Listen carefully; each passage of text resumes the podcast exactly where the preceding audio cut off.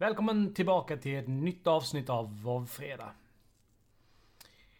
Vår vardag har drastiskt förändrats sedan förra avsnittet. Vi lever just nu i en pandemi med allt vad det innebär. Biograferna är stängda, folksamlingar är förbjudna och vi sitter alla mer eller mindre i karantän. Jag vill uppmana alla att följa de råd som ges och framförallt hålla er hemma vare sig ni är friska eller inte. Jag har själv suttit i karantän fyra dagar när jag skriver detta. Det lutar åt att det var en elak förkylning, men då symptomen stämmer in på både förkylning, influensa och corona är jag sjukskriven och hemma. Så ta hand om er och varandra. Härda ut och stanna hemma. Som de säger inom vården just nu. Vi går till jobbet för er, ni stannar hemma för oss. Dagens tips är eh, Svenskt skämtlynne med Thomas Eriksson och Pontus Ströbeck. De går igenom 17 böcker med svenska skämt från tidigt 1900-tal. Underhållande och stundvis tramsigt roligt. Thomas Eriksson är också min gäst i nästa avsnitt av På djupet. Förra gången berättade jag om Sargeras och hur han startade sin Burning Crusade. Om hur Pantheon konfronterade Sargeras och Argus, Erdars hemplanet. Då åker vi mot Azeroth.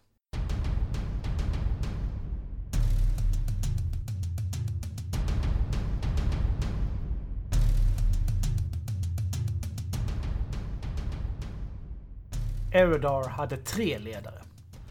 Arkemon kunde hitta den inre styrkan hos alla han mötte. Han inspirerade sitt folk och gav dem mod och självförtroende till att möta alla utmaningar. Kiljaden stirrade ständigt ut i kosmos och begrundade dess mysterier. Välen var den spirituella hjärtat hos Eredar. Han stod som en ständig fyr av fred vars visdom kunde lösa alla konflikter. Var för sig hade det varit en utmärkt ledare. Tillsammans, med sina styrkor arbetandes som en, hade det hjälpt sitt folk nå höjder de bara kunde drömma om. Eridors enighet var en bra lösning för Burning Legions svaghet. Problemet var att om Sargeras skulle kunna binda dem till sin sak måste han korrumpera dem totalt. Han antog en förklädnad som en elegant och lysande varelse och tog kontakt med Eridar. Han lockade med deras begär och lovade dem kunskap och ofattbar kraft. Han visade dem världar som fanns bortom deras egen del av universet som de skulle kunna styra. Primitiva platser som Eridar kunde forma till fristäder av fred och intellektuell eftertanke.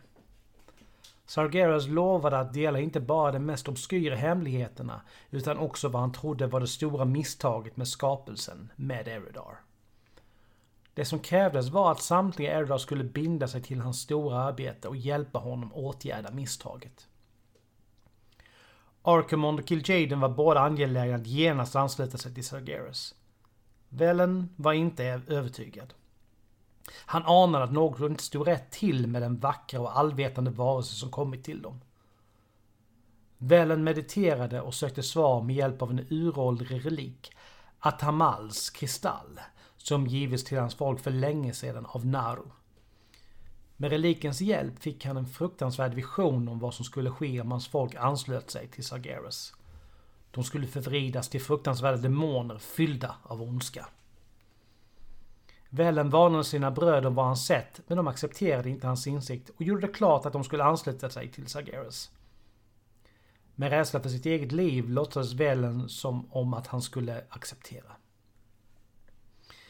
Velen plågades av sitt folks öde. I det ögonblicket kom samma varelse som givit honom visionen till hans hjälp. Narun Kure. Kure erbjöd att skeppa Velen och hans folks till säkerhet. Fylld av nytt hopp började Velen söka upp Eridar som han trodde han kunde lita på. Sargeras anlände till Argus för att korrumpera Eridar. Samtidigt tog Velen och hans anhängare till flykten. De samlades på farkosten Genedar, ett skepp som kunde resa genom kosmos och lämnade Argus.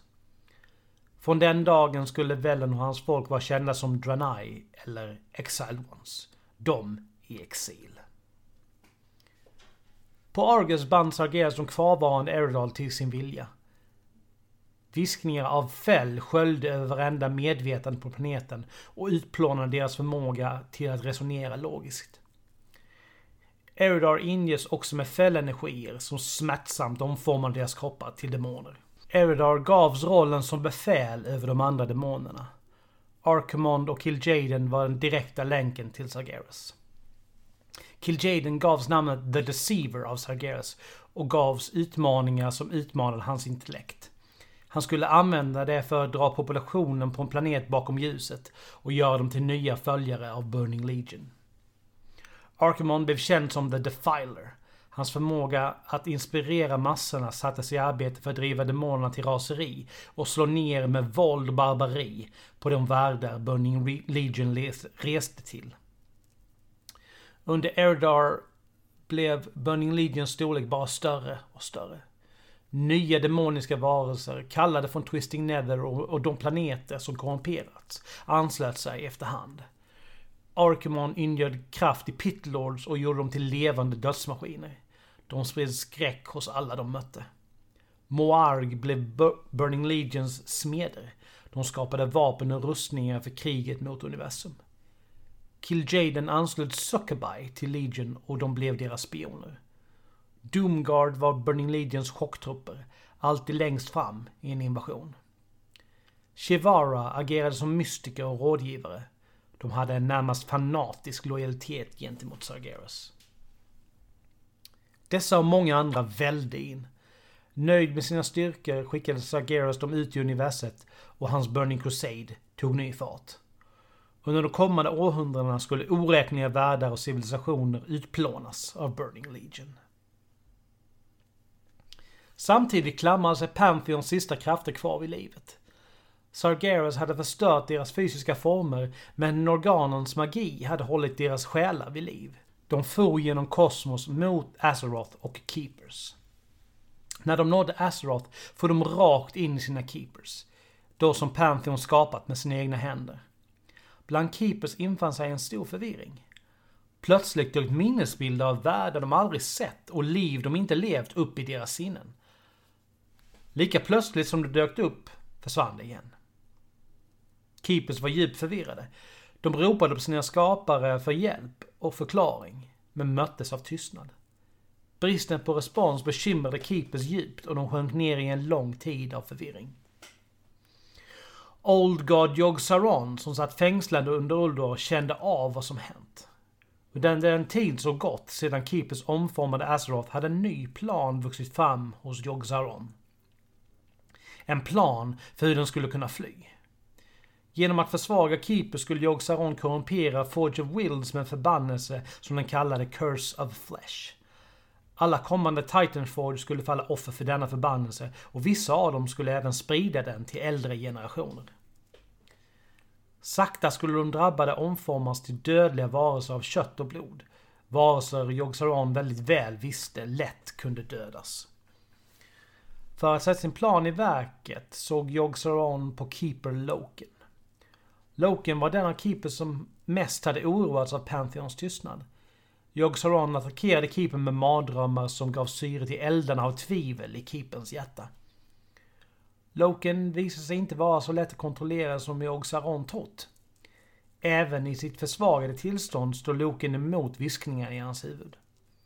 Han vände sig till Sif, en vrykel, hans bror Thorims fru. De träffades ofta ensamma och en förbjuden kärlek blommade upp mellan dem. Jag Saron tog fasta på Lokens kärlek och förvred den till en farlig besatthet. Tack vare Lokens allt mer irrationella beteende surnade kärleken. Han pratade allt oftare om att öppet bekänna sin kärlek för varandra. Något som Sif var emot. Hon visste att om Thorin fick vetskap om deras affär så skulle det splittra Keepers enighet. Slutligen bröt hon alla band med Loken och krävde att han skulle lämna henne i fred. Tanken på att förlora Sif drev Loken över kanten och han blev galen.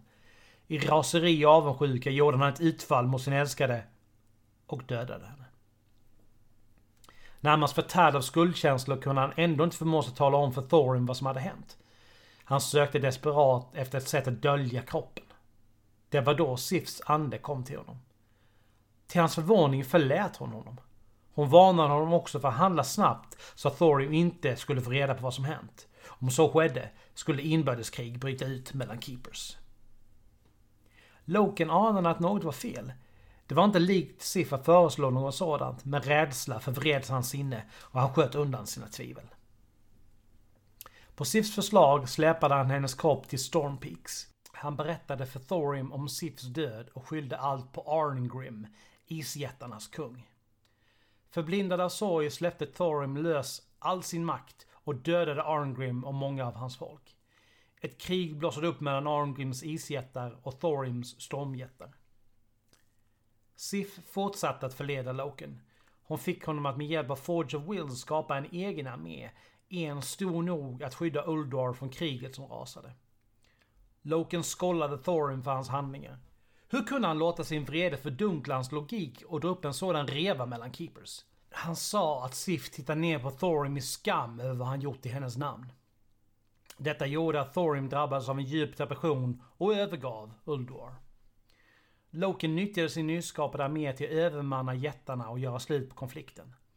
Alla som satte sig emot hans vilja placerades i stasiskammare. Men ju längre striden pågick märkte Loken en förändring i sina krigare. En förvandling hade startat i dem. Loken bad Sif om råd, men denna gången kom hon inte till hans hjälp. Kalla klor grep om hans hjärta när han insåg att hennes ande aldrig varit där. Det var en illusion skapad av Jog Saron.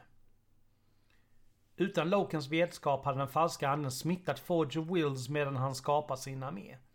Jog-Sarons Curse of Flesh hade slagit rot i hjärtat av maskinens skapelse Matrix.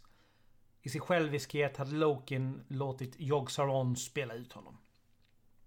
Upptäckten förstörde det sista av Lokens nobla hjärta. Han blev besatt av att hålla vad han gjort hemligt, även om det betydde att han skulle hjälpa Jog-Saron. Med sådan kraft till sin hjälp visste han att han skulle kunna besegra de andra keepers och förstöra alla bevis av vad han gjort.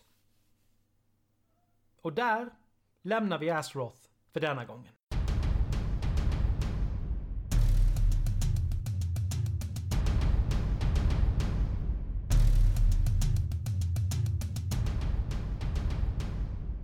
Tack för att du lyssnat på avsnittet.